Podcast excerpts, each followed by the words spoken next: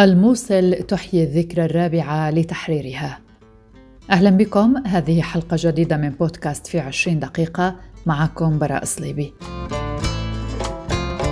أحيا العراقيون يوم السبت العاشر من يوليو تموز الذكرى الرابعة لتحرير مدينة الموصل من مسلحي تنظيم داعش الذي اتخذ من المدينة الواقعة في شمال البلاد عاصمة لدولته المزعومة عام 2014 وأصدر رئيس الحكومة العراقية مصطفى الكاظمي بيانا في الذكرى الرابعة لتحرير مدينة الموصل. قال فيه إن تلك الملحمة البطولية أي تحرير الموصل جسدت ارتباط الدم بالأرض وأكدت أن وحدة العراق صمام أمانه وأن تماسك العراقيين بكل أطيافهم وإثنياتهم هو الطريق لازدهار البلد ورفعته واستقراره.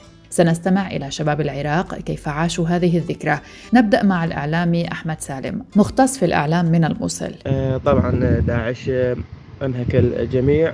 آه، قتل الأرواح فجر الجوامع والمراقد في مدينة الموصل. البنى التحتية بالكامل. بعدها آه، أتت أيام التحرير. أيضا استكمل الحرب.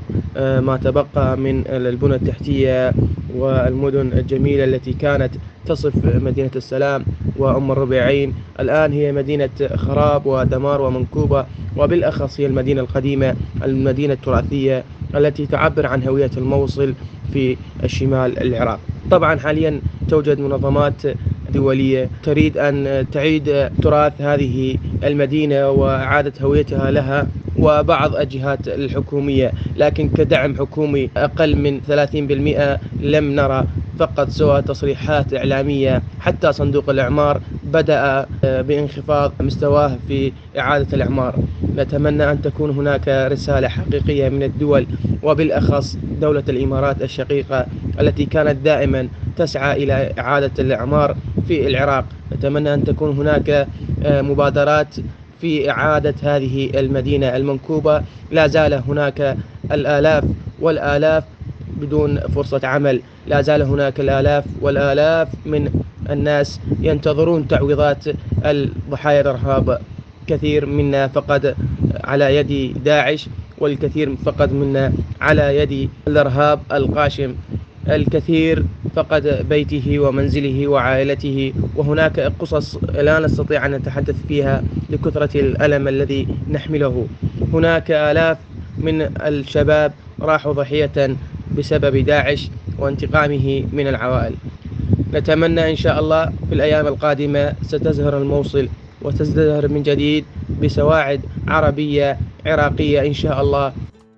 يقول رئيس الحكومة مصطفى الكاظمي أيضا إن معركة الموصل قلبت كل الموازين على المستويات المحلية والإقليمية والدولية فبعد أن دنست عصابات داعش الإرهابية الأراضي العراقية واستمكنوا على أهلها وممارستهم شتى الجرائم الوحشية بحق أبنائها كانت الوقفة البطولية للقوات الأمنية بكل صنوفها وتشكيلاتها مستندة إلى عقيدة حب العراق ووحدته وكان إيمانها بأن الوطنية الحقيقية هي الحفاظ على على وحدة العراق لا التفريط بها.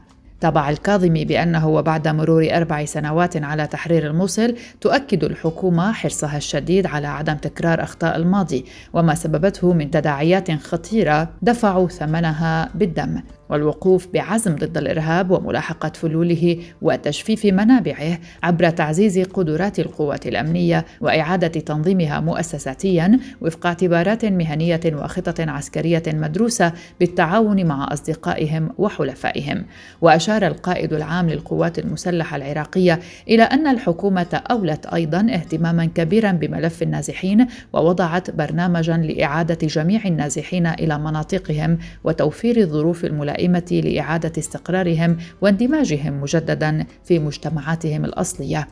هذا البرنامج ينفذ إلى جانب مشاريع متعددة لتعزيز السلم الأهلي وتحقيق الأمن المجتمعي بما يضمن الاستقرار والحياة الكريمة لأبناء المناطق التي عانت الكثير بسبب وحشية عصابات داعش الإرهابية.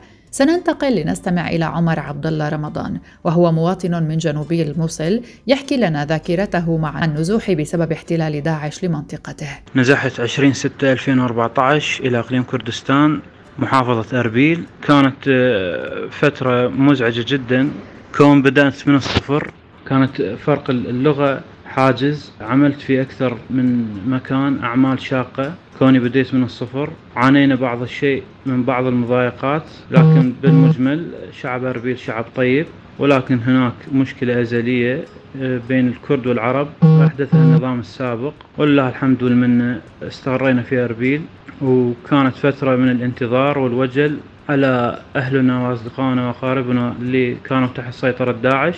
من ثم شاركت في عمليات تحرير مع الجيش العراقي متطوع ولله الحمد بعد التحرير عملت في أكثر من منظمة والآن أعمل موظف آه، تم توظيفي بوظيفة حكومية بال 2019 ومستقر الآن مع والدي في نفس البيت كون داعش الإجرامي فجر بيتي ولا أمتلك بيت. الوضع المجمل بعد التحرير آه، الوضع الأمني جيد جدا الوضع الاقتصادي متردي نوعا ما. أكو خطر من بعض الميليشيات والمكاتب الاقتصادية يهدد المنطقة بصورة عامة كونهم يتدخلون في أغلب المشاريع الخدمية والصحية.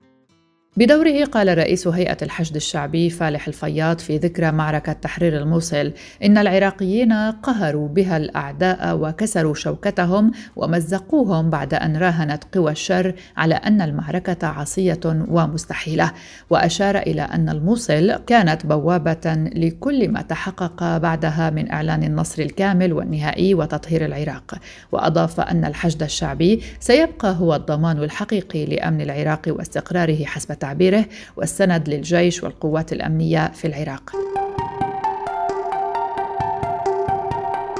احتلال الموصل في عام 2018 احتل تنظيم داعش الموصل وسيطر عليها بشكل كامل وما زال حتى الآن هناك علامات استفهام لم توجد إجابات حاسمة بعد لها وذلك بشأن السهولة التي وجدها في السيطرة على المدينة الكبيرة.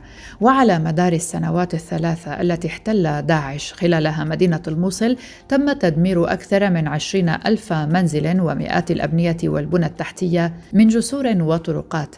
فضلا عن مقتل وجرح الآلاف من المدنيين وقدرت الإحصائيات نسبة التدمير في الموصل بنحو 80% في حين أشارت التقديرات إلى أنه جرى تدمير 63 دار عبادة بين مسجد وكنيسة غالبيتها تاريخية فضلا عن 308 مدارس و12 معهدا إلى جانب جامعة الموصل وكلياتها وتعد المدينة القديمة الواقعة على ضفاف نهر دجلة من الجهة الغربية للموصل من أكثر المناطق تضررا وتضم المدينة القديمة العشرات من المعالم الأثرية الإسلامية والمسيحية واليهودية أبرزها جامع النوري الكبير ومنارته الحدباء.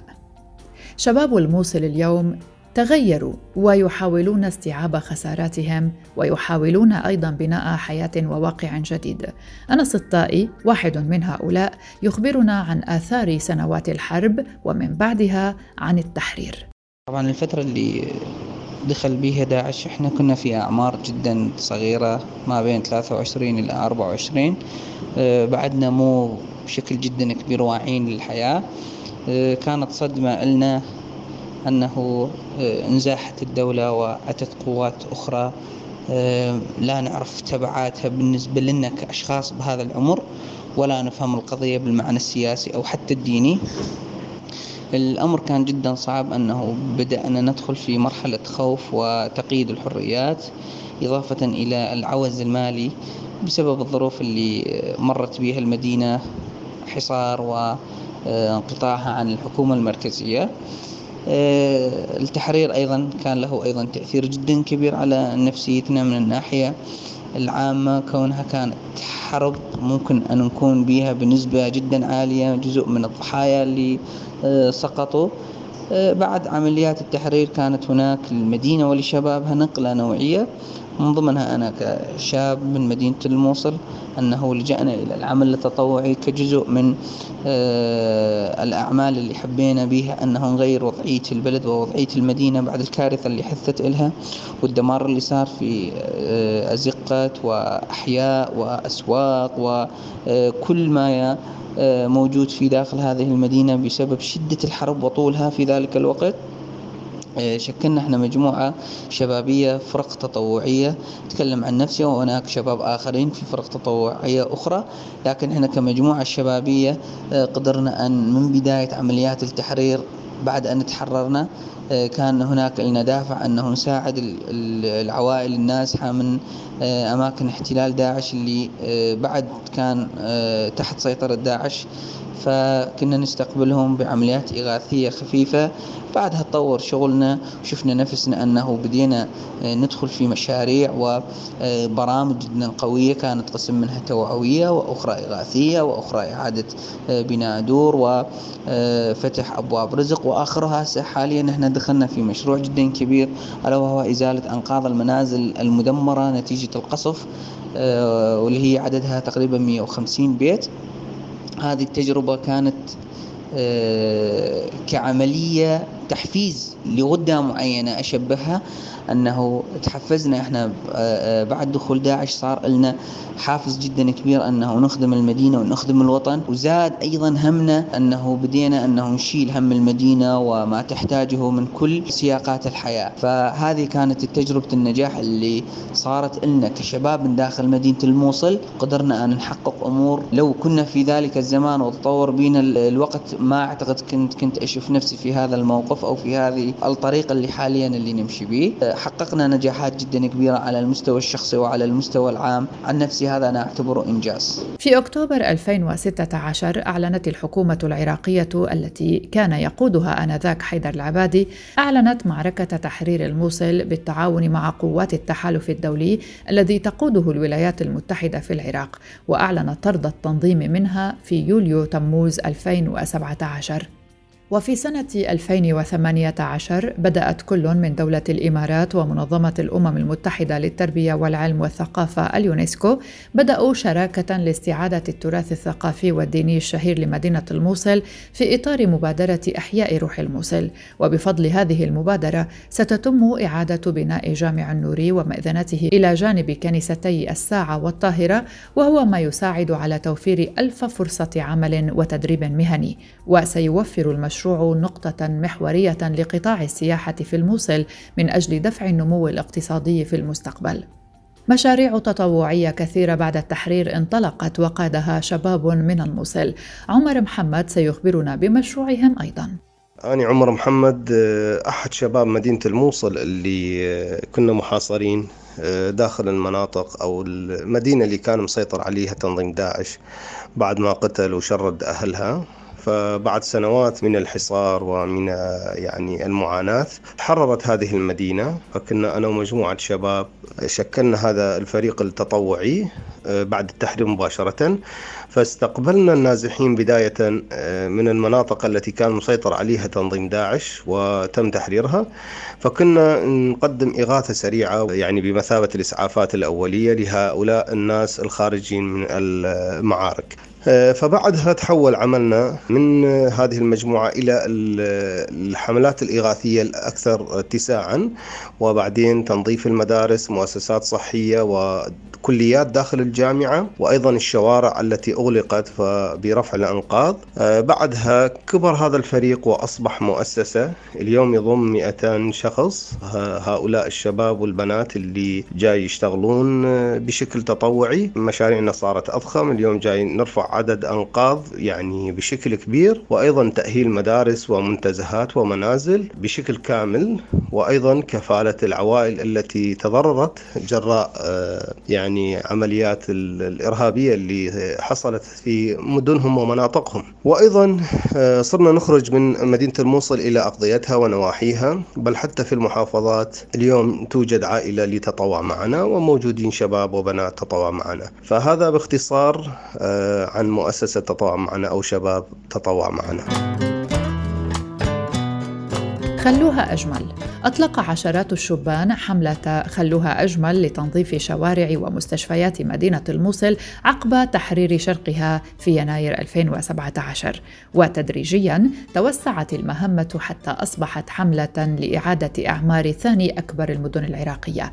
بداية الفكرة بحسب ما قال عمر السعرتي أحد مؤسسي الحملة لموقع سكاي نيوز بعد تحرير الجانب الأيسر من الموصل تجمع حوالي عشرين شابا لطرح فكرة عفوية بشأن تنظيف الشوارع والمستشفيات من ركام الحرب. نشرت عبر مواقع التواصل الاجتماعي هذه الفكرة. ليجدوا كما قال عمر ترحيبا كبيرا من متطوعين بلغ عددهم خمسين شخصا وذلك للمشاركة في مهمة التنظيف ورفع آثار القصف والاشتباكات وتوسعت الحملة في أعداد المتطوعين وفي مهامها لتصبح من أكبر الحملات التطوعية المحلية في الموصل ما بين تنظيف المناطق وترميم المباني وإعادة إحياء المناطق التراثية المتضررة من سنوات الحرب.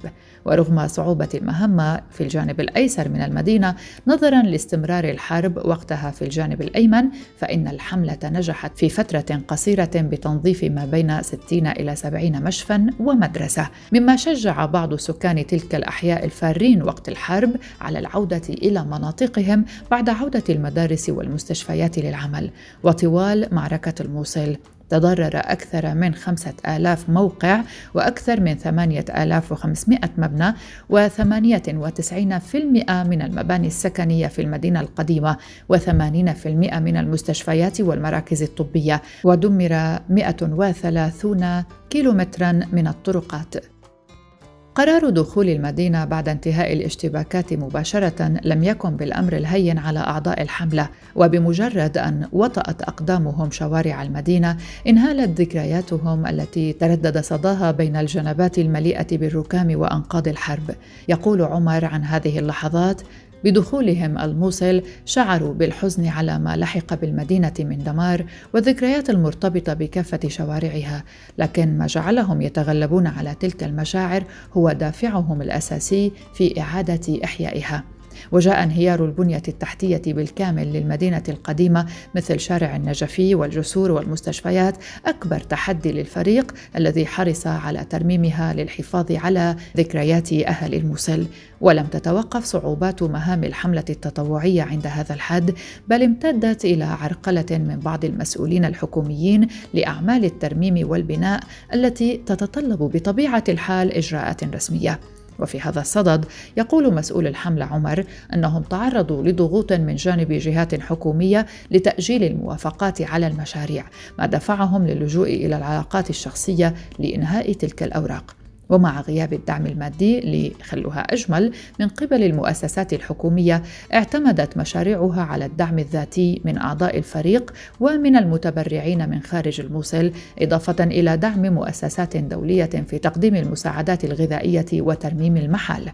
ويجد عمر أن الرغبة الحقيقية لدى سكان الموصل والمتطوعين في إنجاح الحملة كانت عاملا رئيسيا لتخطي العقبات وكسب متطوعين جدد تتراوح أعدادهم ما بين 100 120 إلى 130 عضوا قادرا على تقديم الدعم دون مقابل مادي باختلاف التخصصات. وسرعان ما تحول الأمر إلى ثقة متبادلة بين أعضاء الحملة والمتطوعين ترجم على أرض الواقع في شكل إنجازات. وأهم إنجازات الفريق والتي يعددها عمر ويقول أنهم نجحوا في إحياء أكبر الحدائق في العراق وهي حديقة الشهداء وذلك بتنظيفها من حوالي 40 عبوة ناسفة وإعادة ترميم منازل الجانب الأيمن الأكثر تضررا من الحرب والمليء بالجثث. لذا استعانوا بقوات الدفاع المدني لإزالة العبوات وانتشال تلك الجثث. ويجد الفريق فرحة العائدين أكبر دليل على النجاح مما يدفعهم للاستمرار في ترميم تاريخ الموصل خاصة بعد ترميم الجسر العتيق العتيق أقدم جسور المدينة ونحو 115 منزلا وشارعا لتعود الحياة للمنطقة بالكامل. كما تم إعمار 140 محل لتعود حركة البيع والشراء أيضا في شارع جامع النوري الكبير آخر المناطق المحررة من داعش. لا ننسى التحدي الآخر الذي أضيف لكل التحديات ومنها هذه الحملة وهو تحدي انتشار كورونا فبعد انتشار الفيروس قاموا بشراء أكثر من 200 أنبوبة أكسجين ليستفيد منها ألف مصاب مع تقديم عشرة آلاف من السلال الغذائية للعائلات المحتاجة وحرصوا في كل عيد على رعاية ألف طفل يتيم بتقديم الملابس وإعداد برامج ترفيهية لهم. ورغم ما تعرضت له حملة خلوها أجمل من صعوبات يوضح عمر أن الفريق ظلت لديه روح المثابرة لتستمر كافة المشاريع من بناء ومساعدات إنسانية. والحملة لم تتراجع في أي لحظة عن أهدافها بل تدخل مرحلة جديدة بالتسجيل كمنظمة غير حكومية قادرة على الاستمرار في إعمار الموصل وتوسيع أعمالها في باقي المدن العراقية المتضررة. هذه كانت حلقة من بودكاست في عشرين دقيقة. شاركتني في الإعداد صديقتي وزميلتي يلا فهد. كنت معكم براء صليبي إلى اللقاء.